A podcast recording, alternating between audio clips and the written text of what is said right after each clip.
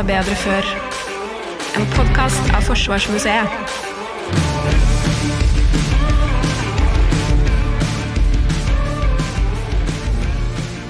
Hei, hei! Jeg heter stadig Anders Brenna, og i denne episoden av Alt var bedre før får vi servert en historieleksjon utenom det vanlige fra Forsvarsmuseets egne husfilosof. I en tid med konflikt på flere fronter stiller vi spørsmålet hvordan slutter egentlig kriger? Svaret, det kommer her. Hei og velkommen til Alt var bedre før, Harald Høybakk. Du er oberstløytnant og forskningssjef her ved Forsvarsmuseet. Vil du kjøre en kjapp bakgrunnssjekk på deg selv for våre lyttere her, så vi vet litt eh, med hvem du er? Ja, eh, jeg ble plassert på museum i 2018, så jeg har vært her nå i fem år. og Før det så drev jeg mye med utdanning og undervisning i Forsvaret, og jeg har vært i Forsvaret i 35 år. Det er en god stund, egentlig. Uh, og så har jeg litt sivil utdanning. Jeg har en master i historie, og så har jeg en doktorgrad i filosofi. Så jeg har en litt sånn akademisk bakgrunn og vært mye innendørs og pusta mye inneluft opp gjennom årene. Men nå er jeg altså på museum hvor jeg trives utmerket. Er det riktig å kalle deg en militærfilosof? Det syns jeg er rimelig. som sagt da med 35 års fartstid og en doktorgrad i filosofi, så tror jeg ikke du tar munnen for full ved å Nei. kalle meg det. Og du har også skrevet en rekke bøker ja, det har gjort. militærfilosofi.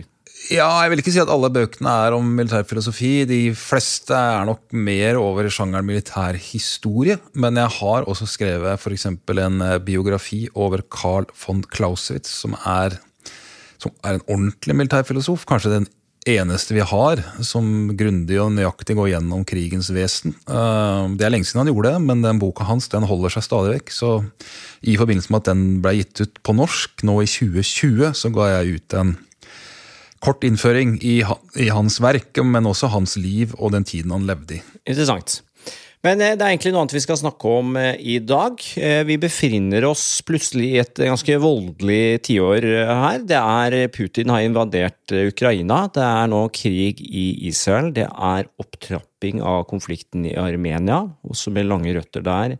Kina ypper seg borte i Østen. Og spørsmålet alle lurer på, er hvordan tar disse krigene og konfliktene slutt? Eh, men før vi skal svare på hvordan krigene slutter, så tror jeg vi bør se på hvorfor de begynner. For det aner man at de henger sammen, eller?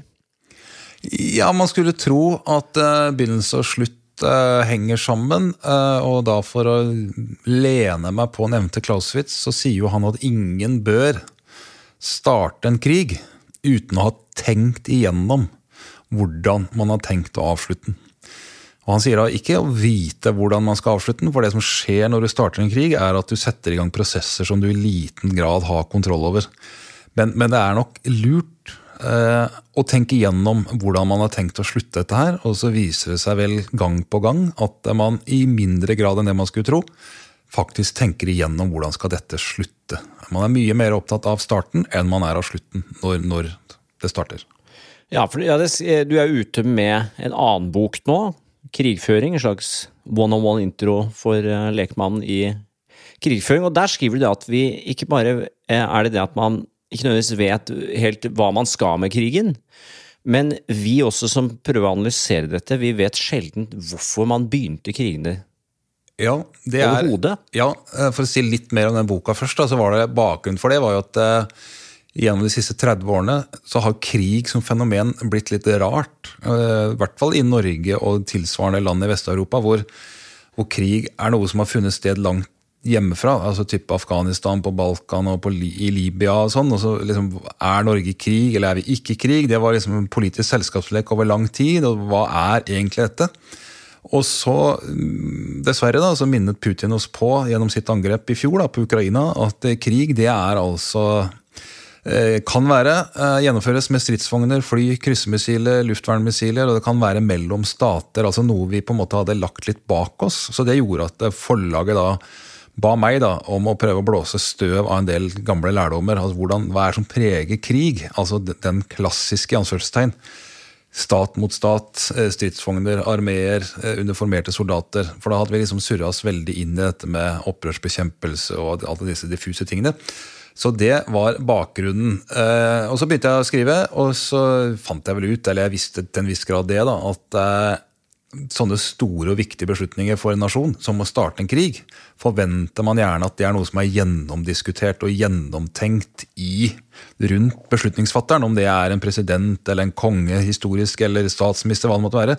At det er noe man virkelig gjennomdiskuterer før man går til det skritt å starte en krig. Men det viser seg gang etter gang etter gang at det er mye mindre diskutert enn det man skulle tro. Så hva som skjedde rundt Putin, det vet vi jo ikke ennå, for vi har ikke så gode, gode, kilder på det. Men vi vet jo f.eks. ganske mye om beslutninga i Washington i 2003 om å angripe Irak. Altså hvor lite som blei diskutert og gjennomtenkt. Jeg kan gå i tall på det. Hvor, hvor, lite ble det diskutert? Nei, altså Det jeg stussa litt over når jeg leste dette, her, leste jeg altså biografien til daværende forsvarsminister Donald Rumsfeldt. og Han sier det at uh, han diskuterte aldri med sin sjef, altså president George Bush, om det var fornuftig eller ikke å gå til krig mot Irak i 2003. Spørsmålet, det er jo ikke sikkert alle lytterne husker det, men det var jo en amerikansk usikkerhet rundt hvorvidt Saddam Hussein og Irak drev og utvikla masseødeleggelsesvåpen. Det trodde USA at de gjorde. Eh, Saddam Hussein han ville ikke vise alle kortene, mente Bush, og da konkluderte han til slutt med at vi må invadere Irak for å stoppe de programmene da, med atomvåpen og kjemiske våpen og sånn som USA mistenkte at de holdt på med. Så det vurderte han en god stund. Så vil man tro at er det noen du skal diskutere det med, så bør det i hvert fall være forsvarsministeren. Men han sier det, eh, at det ble aldri diskutert. Man diskuterte detaljer, gjennomføring osv. Men hvorvidt det var lurt eller ikke, var aldri tema. Det samme sier sjefen for CIA, som var også en veldig viktig aktør i jakten på masseødeleggelsesvåpen. George Tennet sier det, at han var aldri i ett eneste møte hvor temaet var er det fornuftig å starte en krig eller ikke for å løse dette problemet. Igjen, Man diskuterte fremgangsmåter og detaljer hit og dit, men det store spørsmålet ble aldri lufta med så sentrale aktører som forsvarsminister og sjef CIA i dette konkrete tilfellet. Men du, du skriver også at både, det er tvil rundt uh, både første og andre verdenskrig. Hvorfor de krigene ja. brøt ut? Første verdenskrig er jo en klassiker, det diskuterer jo historikerne enda, uh, over 100 år etter utbruddet. Og der er bøker liksom med titler som 'Sleepwalkers' og sånn. At det her bare tumla statslederne ut i en verdenskrig uten at de egentlig skjønte hvorfor. Hva var det den krigen egentlig handla om? Hvem var det som det starter altså med et attentat hvor en eller annen litt sånn obskur eh, kongelig mm, ja, Obskur var han for så vidt ikke, men for franskmenn og briter så spilte det ikke så veldig stor rolle hvilke sånne østerrikske arveprinser som levde eller ikke. Men, men han ble altså skutt i Sarajevo, eh, og så går det da ganske stille noen uker. Men så, så, plutselig tar det av. Det ene tar det andre, og plutselig så er altså hele Europa i krig. Etter fire år, ti millioner drepte soldater, kanskje dobbelte, enda mer sivile. Altså enorme tapstall. Og uten at noen kan si liksom, hva var det hva var det Tyskland hadde kranglet med Frankrike om? Hva var det Tyskland og britene hadde? liksom, og så, så det var liksom, og det er, det er, liksom en kjent og det er noe man diskuterer. liksom Hvordan kunne dette skje? Mens andre vil si at nei, det var jo tysk militarisme som lå bak dette her. og det var en sånn, Kommet til andre verdenskrig så tenker man at uh, det var jo en lenge varsla krig.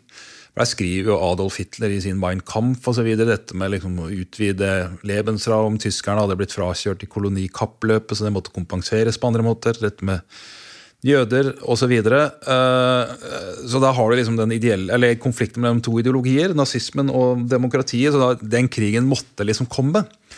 Men også der viser det seg jo at uh, tyskerne ble veldig overraska over at de allierte erklærte krig over Polen. For han var jo spent over Tsjekkia, eller Tsjekkoslovakia, for der kunne man kanskje sett for seg at uh, Vesten ville stille opp, altså Frankrike, Storbritannia. For uh, Tsjekkoslovakia var jo et demokrati og var ganske godt bevæpna, godt forberedt. Men de ga opp det prosjektet. Polen derimot, ikke like demokratisk, ikke like godt eh, si, militært opprusta. Så at de skulle ta krigen over Polen, det kom veldig overraskende på tyskerne. Og det var ikke noe god stemning i tyske lederskapet når, når krigserklæringa kom. Så også andre verdenskrig bryter ut på en litt sånn der, ikke kall det tilfeldig, da, men det var liksom ikke gjennomtenkt fra noen parter. og Når Storbritannia og Frankrike erklærer Tyskland krig, så har de jo ingen plan om hva de skal gjøre. Så det første lille året der er jo liksom en sånn merkelig form for krig. Det skjer veldig lite. Mm. Før det da, før tyskerne angriper Frankrike i mai. Først Norge og Danmark, da, men det er liksom når de angriper Frankrike i mai, i mai 1940. Det er jo da liksom krigen som sådan oppstår.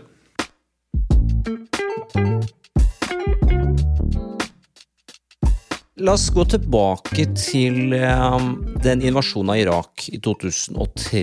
For da snakket du om altså, at det var usikkerhet rundt eh, masseødeleggelsesvåpnene osv. Men der har jo håper å si, kritikere sagt at det er jo bare sånne skinnegreier man går ut og sier. ikke sant? Det de egentlig vil ha, det er olje og gass. Og Det er også vært sagt om Ukraina at det dreier seg om noen gassledninger. Det er det det egentlig dreier seg om. Hva tenker du om den type uh, måter å se på altså årsaken til at kriger bryter ut i det 21. århundre? Det er olje og gass eller andre naturressurser? Sånn I generelle vendinger så er vel responsen på det at det er, blir ufattelig dyre dråper med olje. Altså jeg, jeg vet ikke om liksom, vi har noe begrep for hvor mange nuller eller hvor store summer amerikanerne brukte på krigen i Irak.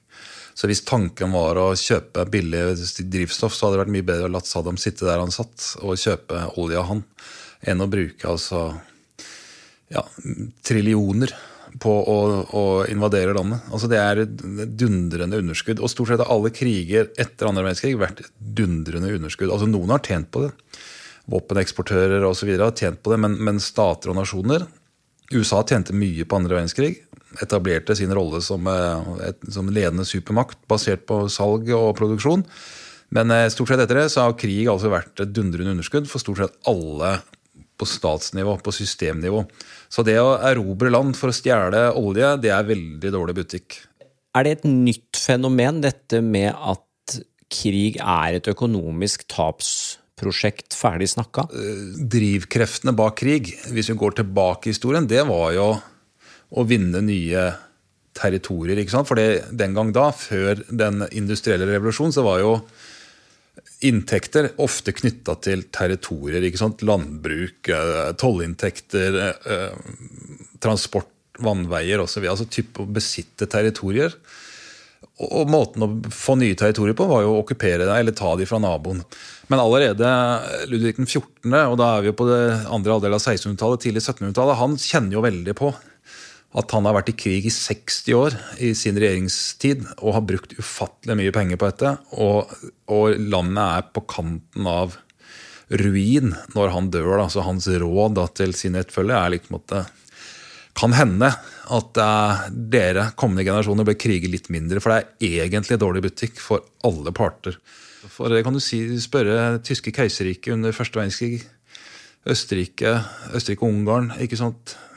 Russland. Altså, og tyskerne, ikke minst andre verdenskrig. Japan. Altså, det er, det er eh, Storbritannia òg vant til to verdenskriger, men, men mista jo sin plass som, eh, som ledende imperiemakt. Det kosta for mye. ikke sant? Er, så, så, krig er ikke noe bra butting. Altså. Mye dårligere butting enn det folk tror.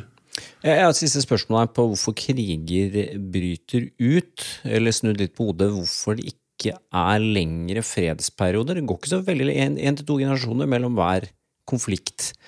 Er det sånn at det er en slags uh, repeterende, det som kalles en keisersyklus? Altså at folk, når de har fått litt fred, så blir man litt sånn slappe og glade og naive og, og er opptatt av å sitte på bar og kafé og diskutere rare ting, og så har man glemt litt hvor eh, brutal verden kan være. Altså, nesten sånn snubler man ut i en ny krig annenhver generasjon fordi man har glemt litt hva man egentlig må følge med på? Er det, ligger ja, det? altså det Fram til uh, august 1945 så tror jeg det var helt rett. Uh, det ser man jo historisk. at sånn Hver generasjon, sånn hvert 40 år, liksom, så var det en ordentlig krig. da. Ikke sant? Du hadde Napoleonskrigen, så Krimkrigen, så hadde det liksom etter hvert uh, tysk den prøyssisk-franske krigen. Du hadde Boer etter hvert som var litt stor. da.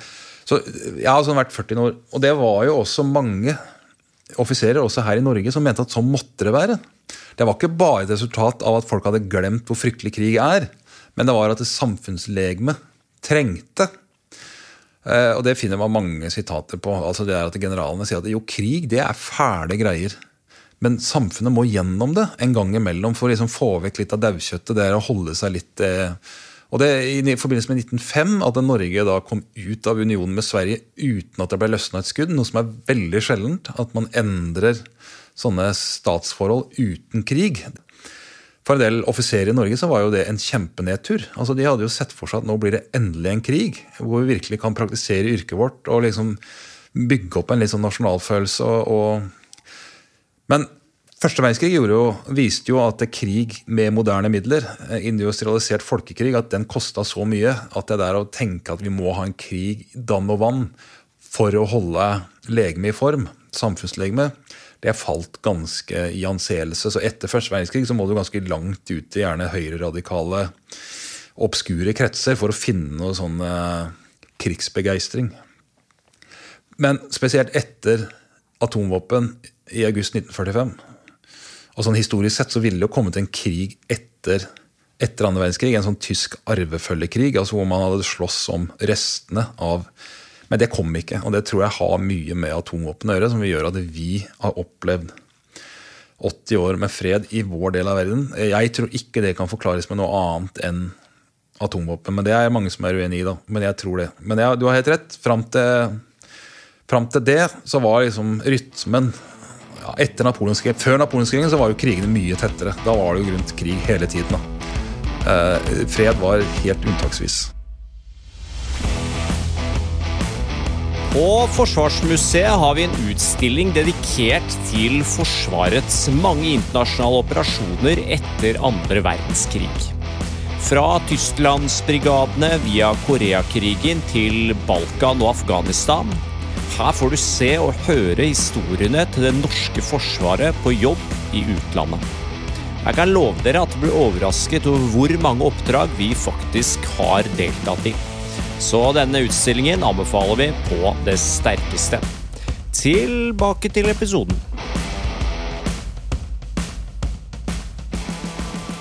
Eh, hva er krig i det 21. århundre? Har det endra seg såpass? Såpass fra den tradisjonelle liksom, slagmarksmåten å se krig på at vi eh, trenger et nytt krigsbegrep, nesten?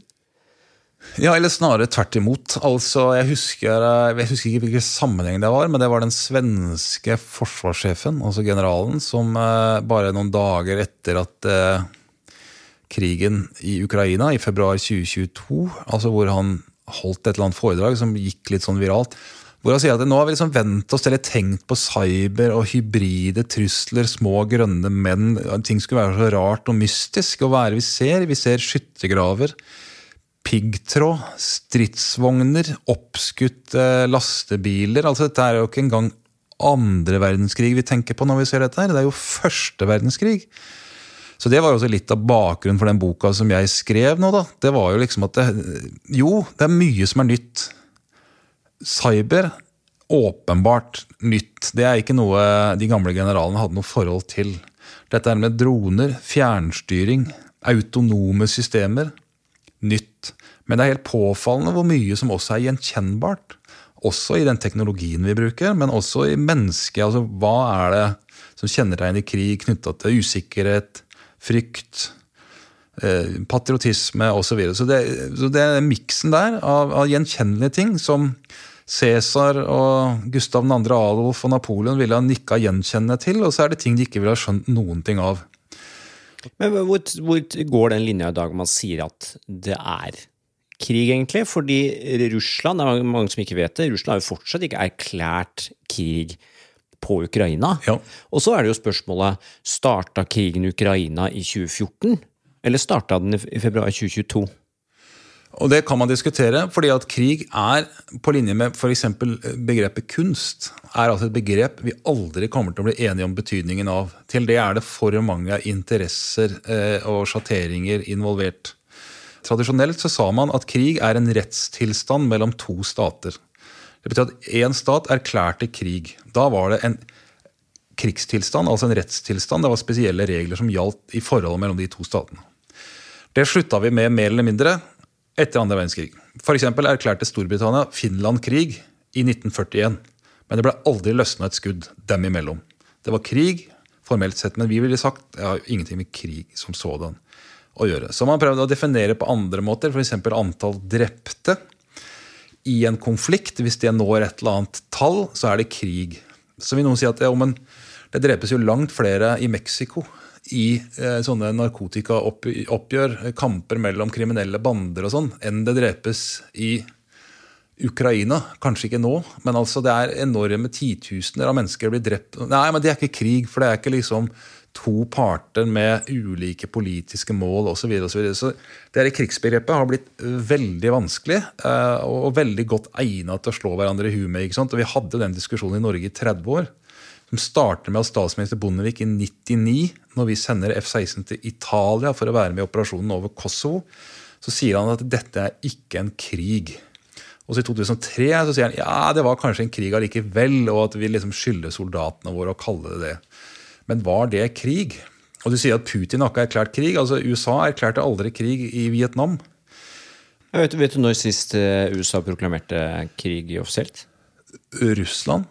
Nei, det er 1942, altså årstallet. Er det siste gangen uh... Ja, altså Verken Koreakrigen, Vietnam eller Irak eller Afghanistan ble offisielt eh, regna som kriger. Men jeg, nei, eh, men jeg tror kanskje at det er noen eh, Dette burde vi ha lest litt opp på forhånd, men at det kan være noen andre steder i verden hvor man har tatt i bruk det ordet. Altså, Netanyahu brukte jo nå i dagene etter 7. oktober, når Hamas angrep på Israel, så sa han jo at dette er krig, men da er det jo litt uklart hva han mente. Altså, mm. Betyr det at eh, Jo, de oppretta vel et sånt krigskabinett i Israel. Det kan være at han da satte liksom, landet på en eller annen form for krigsfot, men det kan også være at han hadde, skulle liksom varsle sin egen befolkning at dette her dette er noe annet enn det vi har opplevd før, og, og her vil konsekvensene bli noe annet. Dette vil koste på en annen måte osv. Vi kan da gå til hovedspørsmålet her, og det er hvordan kriger eh, tenderer mot å slutte. Hvordan, hvordan slutter kriger? Ja, hvordan slutter kriger? Altså, jeg skriver litt om at det er en sånn gullstandard, som en sånn forestilling øh, om at de slutter ved øh, at motstanderen da er fullstendig utmanøvrert fordi du gjerne da, øh, har, har liksom hatt en genial plan som er gjennomført på en forbilledlig måte, som gjør at motstanderen bare må kaste kortene. Og da er det en sånne jeg starter boka med kriget ved slaget ved Austerlitz helt tilbake i 1805, som er en sånn gullstandard hvor Napoleon med færre styrker, eh, helt håpløst plassert i terrenget osv., klarer å vinne en knusende seier over Østerrike og Russland. Hvor begge keiserne er til stede. ikke sant? Hvor, og det, liksom, det ble en ny standard. det der Ved hjelp av en genial feltherre, en veldig god plan, godt trente soldater, godt motiverte soldater, så kunne du oppnå hva det skulle være, egentlig. da, Også mot mange flere motstandere. Litt samme med Eh, det tyske angrepet på Frankrike i, i, mai 1940. For da var det en generasjon tidligere så hadde jo tyskerne prøvd det samme. Eh, å ta Frankrike, eller i hvert fall deler av Frankrike gjennom første verdenskrig. Hadde jo ikke klart det i løpet av fire år. Nå klarte tyskerne det i løpet av fire dager. Og nå setter jeg det veldig på spissen. Altså Felttoget varte jo fem-seks uker, men, men, i løpet av fire dager så var Frankrike så på bakbeina at de klarte aldri å komme i balanse igjen. Så, det, så den der tanken om at noen sånne briljante manøvre, kjempegode generaler og soldater med god teknologi, at det på en måte skal avgjøre, det, det hører unntakene til. Så dette her med sånn betingelsesløs kapitulasjon, som tyskerne måtte akseptere i 1945, Japan aksepterer i 1945, det tilhører sjeldenheten. Altså en knockout-seier, rett og slett. Knockout-seier. Det skjer sjelden. Veldig sjelden. Amerikanske borgerkrigen ender jo også sånn at eh, sørstatene bare må si at vi orker ikke mer. Vi kaster kortene, vi aksepterer hva det måtte være. Stort sett så ender jo kriger med en forhandling, forhandla fred, men da kan du si at de kortene du sitter med ved forhandlingsbordet, er jo mye godt styrt og bestemt av hvordan krigen har vært. da. Så, så første verdenskrig ender jo med en eller annen form for forhandling, men det er klart at der er de allierte så mye sterkere at tyskerne har liksom ingenting å spille med. da. Men det er eh, forhandlinger, uh, våpenhvile. altså Koreakrigen er jo enda formelt sett ikke slutt. Uh, Vietnamkrigen endte jo med forhandlinger mellom, uh, mellom, USA og Vietnam. Men bare noen få etter at avtalen var i boks, så slukte jo Nord-Vietnam resten av altså Sør-Vietnam. Så det er liksom, så Stort sett så ender de da i noen sånne sjatteringer av forhandlinger. Det er den liksom andre måten. Og den tredje måten det er at det er omverdenen som griper inn. Altså intervensjon? Intervensjon. Men da må det være såpass hva skal vi si, som på Balkan og Midtøsten i perioder. ikke sant? Afrika, type At man kommer inn og uh, enten tvinger fred på. Da. Det, det, er ikke så ofte man har gjort, men man prøver liksom å bygge opp under en eller annen form for fredsavtale. Og det har også vært kritisert. da. Uh, og det er en amerikansk Edvard Lutwak som ofte trekkes frem, for han er veldig kritisk, og i hvert fall har han vært det, til å avslutte kriger for tidlig. At verden, altså, verden liksom griper inn for å stoppe for konflikten på Balkan. For han mener det konserverer jo konflikten. Og han mener at hvis FN tilsvarende hadde vært eksistert i 1945 altså De var jo etablert, men de var liksom ikke store og kraftige nok så ville det fremdeles vært enorme flyktningleirer med tyskere i Polen og osv. Men det var jo ikke det, så folk måtte bare forholde seg til realiteten på bakken. Og det gjorde liksom at uh, man fikk en løsning, da. Brutal, men, men, det der hvis verden griper inn og prøver å stoppe, så skaper det liksom bare uendelig lange Men motargumentet mot det er jo liksom Syria, da, som vi liksom har latt få lov til å holde på uten at man egentlig har gripet, grepet veldig inn. altså Både russer og vi har jo på en måte, men vi har ikke liksom gått tungt inn for å stoppe det. Sånn som vi gjorde i Libya. Og det var, fikk jo heller ikke noe heldig løsning. da, så det er liksom sånn at du, Hvis du griper inn, så blir det galt. Og hvis du ikke gjør det, så blir det galt. Men det er liksom sånn tre hovedkategorier av hvordan det slutter. Det ene er at den ene parten forsvinner eller ikke har noe liksom bare klarer ikke å akseptere hva som helst. Hører unntakene til. Det andre er sjatteringer av forhandlinger og at krigen egentlig bare fortsetter på litt sånn svak varme. Og det tredje er at utenomverden griper inn. og det er det liksom som kan skje også i Ukraina, eller som har gått og venta litt på. Men da er det veldig store aktører, da, så da spiller det ikke så stor rolle hva FN som sådan mener. Men det kan bety noe hva Kina mener overfor Putin, og det kan bety veldig mye hva USA mener overfor Ukraina. Ja, er det også en fare der med intervensjon at man ender veldig ofte med sånne flere ti års lange okkupasjonstilstander i etterkant. At man blir stående fryktelig lenge. Eh, og så skaper det nye problemer, og så skaper det nytt agg. Ja, absolutt. Ja. absolutt. Eh, Unifil, da vi sto i Libanon sto vi vel i 25 år. Det er fremdeles styrker der. ikke sant? Man kan si at men Kanskje det har vært eh, fornuftig. Vi vet jo ikke hva som ville ha skjedd om det ikke var eh, men ofte så trekkes jo Libya frem ikke sant, 2011, eh, hvor man hadde en følelse, i hvert fall sies det, og jeg tror på det, at, at man frykta en eller annen sjattering av folkemord i Libya, fordi Gaddafi da trua med både det ene og det andre. Og da var det ikke så lenge siden Rwanda, som vel var i 94 eller noe sånt. Hvor, hvor man ikke grep inn? Hvor man ikke grep inn. Ja. Og noe sånt som en million, opp mot en million falne. ikke sant? Men så har noen sagt at vi skapte jo da mye større problemer enn det vi løste. Altså, det er kaos i Libya, og ikke minst flyktningproblematikk som har liksom bare tatt helt av. Så det er, det er som jeg også skriver en del om i boka, altså veldig fort så opplever man at krigen blir et større problem å håndtere enn det problemet man grep til våpen for å løse. Jeg vet ikke, men Det kan kanskje historikerne si mer om, men det kan hende at Hamas nå føler at det problemet de sitter med nå, er større enn det de satt med 6.10. Det kan hende at Putin tenker at det problemet han sitter med nå, eh, overfor Ukraina, er større enn det problemet han hadde 23.2.2022. Eh, Og Det er noe jeg tror mange har kjent på som har starta kriger. det er at det er veldig fort så begynner krigen å leve sitt eget liv. Altså, krigens hensikt er å tjene et politisk mål, mens krigens natur er å tjene seg selv. Ja. Og det er en av grunnene til at kriger ofte blir veldig lange hvis ikke de slutter fort. Ja. Så dras de ut. De dras ut. Omkostningene blir enorme, og du får også det med sånn sunk kost som Første verdenskrig er liksom Hvorfor brukte de fire år og ti millioner fallende på å konkludere med at dette kunne vi egentlig bare Sett i ettertid så kan man si at tyskerne tapte første verdenskrig i september 1914. Hele tyske planen var basert på tempo Altså De måtte ta Frankrike i løpet av kort tid. Schlieffen hadde da visstnok beregna 42 dager på den jobben. Så skulle de da vende hele den tyske krigsmaskinen for å da gå mot Russland. Når de taper slaget ved Maren i september 1914, altså bare noen uker etter at krigen starta, så stopper jo hele altså Da forsvinner rasjonalet for planen. altså Tempoet er ikke lenger Da burde tyskerne da strengt tatt konkludert med at dette kan vi ikke vinne, og så inngått da forhandlinger. Det tror jeg, som jeg også sier, i boka, disse gamle manøverkrigerne, Fredrik den store osv., han ville ha gjort det, påstår jeg. da. Det er kontrafaktisk, vi får aldri svaret på det. Men da ville han sagt eh, Paris, London, nå må vi oppføre oss litt her. Eh, jeg tilbyr dere den provinsen der og kanskje tollrettighetene i det vassdraget der i 25 år, mot at vi nå setter strek og så går vi hvert til vårt og så begynner vi å forberede neste krig.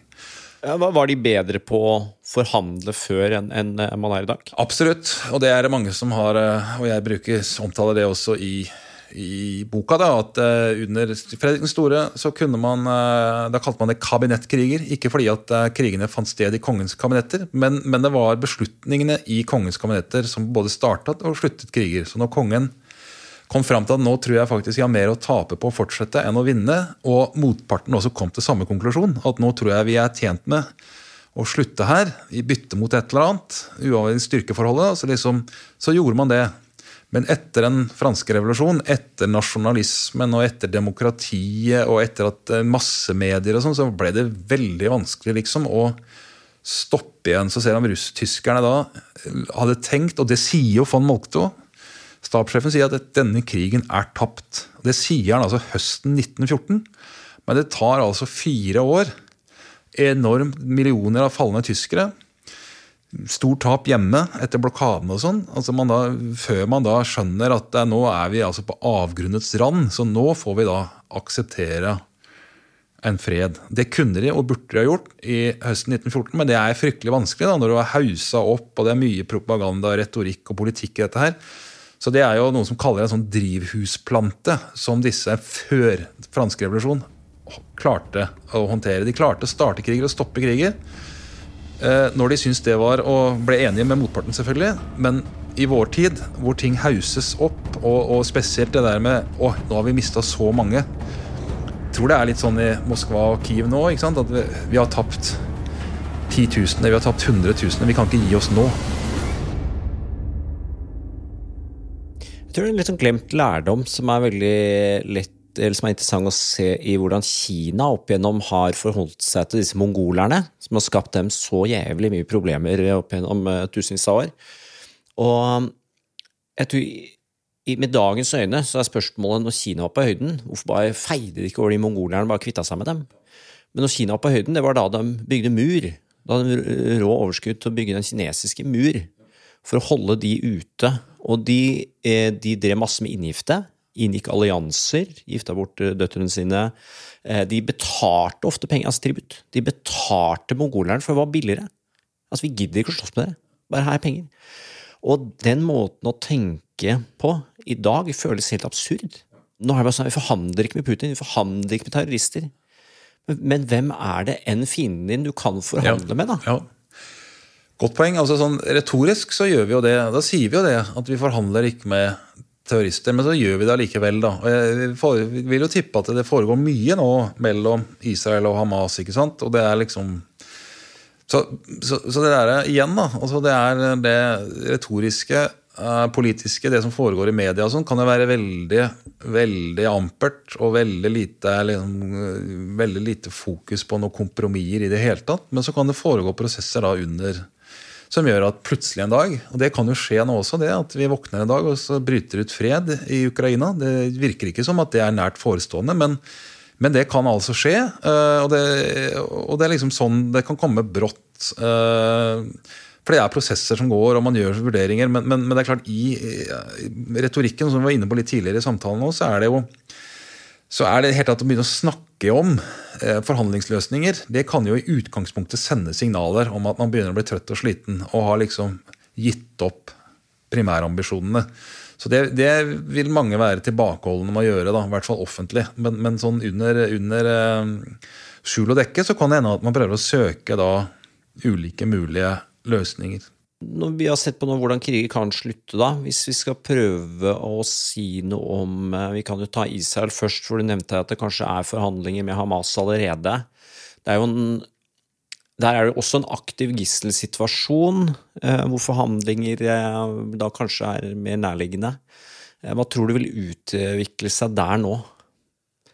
Nei, Det er et godt spørsmål, selvfølgelig. Og jeg tenkte først, når jeg hørte Netanyahu når han sa dette med at dette er krig, så tenkte jeg litt at han sa at valutaen nå har endra seg litt. Fordi det er mange som har poengtert at Israel har vært veldig opptatt av å få alle hjem. Om det er drepte soldater eller aller mest kidnappa soldater, så har de strukket seg veldig langt for å få de tilbake. Altså Det er en del av den israelske samfunnskontrakten. Men jeg tenkte sånn i timene og dagene etter dette enorme terrorangrepet fra Hamas at eh, Netanyahu sier liksom at dette er krig.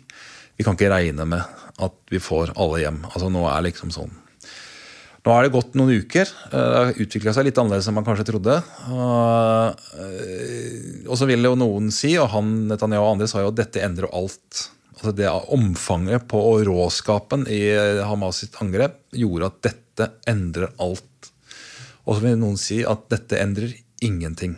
Altså Dette er bare én sånn runde i denne voldsspiralen som holdt på å si, aldri kommer til å slutte. da. Eh, aldri. Eh, det vil jo på et eller annet tidspunkt slutte. Men, men eh, den krigen og konflikten har vart altså i så mange generasjoner, og det er jo selvfølgelig Israels store frykt er jo hvis det blandes inn eh, masseødeleggelsesvåpen i dette her. Ikke Hamas nødvendigvis, men av deres støttespillere. Altså, hva skjer da? Men, men uh, isolert sett, hvis man ser uh, palestinerne mot israelerne, så, så, tror vel jeg kanskje at dette Om noen år så vil vi si at dette var altså en voldsom utslag i en konflikt som pågår. Og jeg, jeg, jeg sitter ikke med følelsen av at dette i seg selv liksom endrer spillets regler fullstendig. Men det gjenstår å se, men det er liksom den følelsen jeg sitter med nå. Hva tenker du om eh, krigen i Ukraina? da? Ser du noe ende på, på den?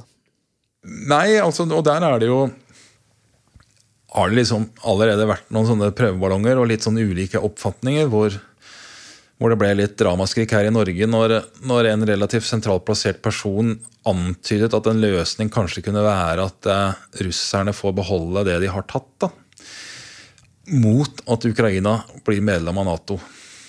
Det er jo et avansert regnestykke, for de er jo slett ikke sikre at russerne aksepterer det. Det kan hende at de vil ha mer. Det kan hende, det har jo vært antydet at eh, Kiev skal de i hvert fall ha. Mulig kan de akseptere et lite sånn Vest-Ukraina, men det er ikke sikkert det heller.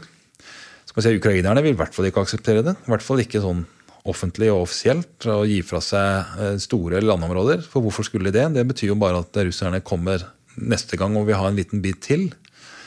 Og så er det selvfølgelig Nato sjøl. Vil eh, den amerikanske kongressen vil de akseptere Ukraina som medlem av Nato? Altså vil vi satse hele si, alliansens troverdighet og kanskje hele verdens sikkerhet på at uh, russerne vil akseptere et uh, ukrainsk Nato-medlemskap. For det var jo hovedårsaken til at Putin gikk til krig, i hvert fall formelt.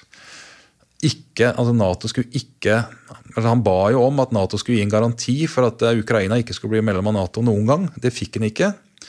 Og hvis nå resultatet av det er at Ukraina blir Nato-medlem, så vil jo det oppfattes som et, et nederlag. Et alternativ som ligner litt, er jo at eh, russerne beholder det de har tatt. Ukraina blir ikke Nato-medlem, men rustes til tennene av Vesten. Og blir litt sånn Sør-Korea eller Vest-Ukraina. altså Det blir liksom et, et eh, demokratisk levende, eh, godt samfunn å bo i relativt sett. Mens da øst blir litt sånn Nord-Korea, blir liksom en del av Russland og blir trist og leit i forhold. Men at det ikke blir noe Nato-medlemskap. men men at Ukraina da får våpen nok til at russerne tenker at det koster for mye. Det er greit. Det er greit. Ser, ser du et scenario hvor eh, Russland eh, altså Enten at Putin får hjerteinfarkt og dør, eller at eh, klarer å, noen klarer å ta han ut, enten internt eh, som er lei av han, eller at noen eksterne tar han ut, og at Ukraina faktisk får tilbake landområdene sine? Nei, altså jeg tror det er ganske sikkert at Putin på et eller annet tidspunkt kommer til å dø. Ja, Det er veldig sikkert. Ja, Det er grunn til å tro det. Men, eh, men kommer de som kommer etter, eh, er de, tenker de svært annerledes? Eh, det tredje alternativet rakk jeg ikke å komme inn på, det er jo at krigen bare fortsetter. At vi får Korea-løsning. At vi får liksom, jo, en, eller annen form for våpenhvile. Kan hende, Det er ikke sikkert vi får det heller, men at det bare blir en frossen front, sånn som vi hadde i åtte år. Vi glemte det helt, men det var jo en krig fra 2014 til 2022 da, i Ukraina, før den ble liksom eskalert. Så at det bare vi går inn i en sånn ny normal igjen. At jo, i øst så skyter de på hverandre, og det går i vei noen titusener i året. Nei, men Du skriver i boka at det er sjelden samme statslederen som starter en krig, som skriver under fredsavtalen? Ja, det er mulig at hvis man har telt opp at jeg, altså Sjelden er kanskje litt for sterkt uttrykk, da, men det, men det, viser seg vel historisk at det er lettere for en ny statsleder da, å se nye løsninger. Altså Det er ikke så mye prestisje knytta til det og sånn. Så det, og det, er vanskelig for den som starter krigen og slutten. Det er lettere for den som kommer etterpå. Liksom, og, så, men hvis du teller, og sånn, så kan du komme fram til et annet tall. Da, men, men, det er liksom en sånn Eh, det er nok et faktum at, eh, at, det hjelper med litt nye koster, som, som, kanskje ser andre løsninger, og som heller ikke har så liksom, personlig prestisje knytta til akkurat eh, det konkrete utfallet. I kjølvannet av første verdenskrig så startet man jo FN, da, Folkeforbundet, og man hadde ganske høye ideer der om at første verdenskrig skulle være krigen til å ende alle kriger, og Folkeforbundet skulle bli organisasjonen til å sørge for at vi ble ferdig med krig. Har du troa på at man noensinne kan få til noe sånn, eller må vi forvente at denne syklusen med kriger ca. hver ja, andre generasjon bryter ut? Jeg husker en gammel som vi finner her på museet, en sånn soldathåndbok. Jeg husker ikke når den har kommet ut, da, men sånn rundt tidlig på 1900-tallet. Eller var det kanskje tidlig på 1920-tallet? For det, i hvert fall De starter med en sånn referanse til uh, at en krig er slutt. Og sier at én trøst har vi dog, og det er at denne krigen ble den siste. eller noe sånt. Så tenker man, ja, Det må jo være første verdenskrig, da, så må den boka være fra 1920-tallet. Altså. Nei, det er det ikke. Det er altså den fransk-prøyssiske krig i 1870-71. Da tenker man at denne krigen den var såpass uh, brutal og med, med moderne materiell og industrialisert krig og sånn, at uh, dette vil ikke skje igjen. Altså, Mennesket og samfunnet har kommet for langt. Så vet jo vi at det slutta jo ikke der. da. Eh, 40 år etter så var det første verdenskrig, 40 år etter det så var det andre verdenskrig osv. Og, og så har jo jeg opplevd, det var jo inne på, uh, på 90-tallet, inn på 2000-tallet, så vil du finne sentralt plasserte uh, offiserer og tenkere i Norge òg som konkluderer med at krig krig mellom stater, hvor man slåss om sin eksistens og om viktige ting, det, det tilhører historiens skraphaug. Altså, vi har vokst ifra det. Så det har nå samme liksom Det er like stor grunn til å være redd for det da, som det er å være redd for varulver og, og heksebrenning og slaveauksjoner og sånn. Altså, det har vi holdt på med, men vi har lagt det bak oss. Og Sånn var det nok også litt med, med krig. Og så blir vi stadig overraska eh, over at eh, at krig fortsetter. Eh, og nå er altså nabolandet vårt i krig, altså Russland. da, eh, og Det forteller vel at, eh, at, krig på ingen måte er så utenkelig lenger som det var bare for ti år siden. da, Og i hvert fall krig i en litt sånn ikke sant, hybride trusler. altså ikke, ikke, nødvendigvis kryssemissiler, selv om det også er mye mer nær, altså lettere å tenke nå enn det var for en kort tid siden. men men også alle de andre virkemidlene. altså Sprengte gassrørledninger, eh, avrevne kommunikasjonskabler, hva det enn måtte være. At det er sånn at eh, betydelige deler av verden ikke støtter og ikke følger vårt syn på det gode liv. da. Eh, at man mener at verden er urettferdig. USA har en altfor dominerende plass. Vest-Europa har forsynt seg for grovt. Så det har liksom vært en sånn der, Og det er jo folk som har skrevet mye om, og mye interessant om òg. Hvordan denne 89-generasjonen var veldig optimistisk og tenkte at nå går det mot bedre tider. Jo, vi har et miljø vi må redde. altså Vi må prøve liksom å få litt kontroll på, på drivhusgasser og litt sånn forskjellig. Men det vil vi nok klare sånn teknologisk. Men så har det gått en generasjon, så tenker vi nå at det nå rakner på alle kanter. Det er pandemier, det er krig, det er stormakter i krig, det er terrorisme.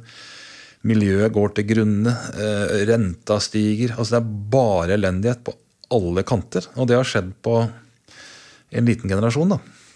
Mm.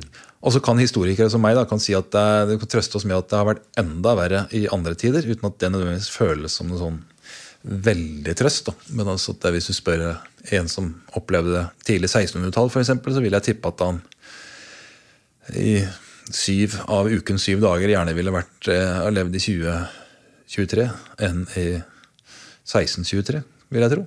Og, ja. Det er jo en eh, liten trøst, og så får vi håpe at eh, det er en utvikling som eh, fortsetter. Selv om den går sakte, og selv om vi forblir noen brølaper som hvert 40 år begynner å slåss med hverandre. Det er vel et eller annet der vi andre helt kanskje kan kontrollere og komme unna, men vi får håpe at de gode tendensene fortsetter, selv om det er en seig, seig marsj.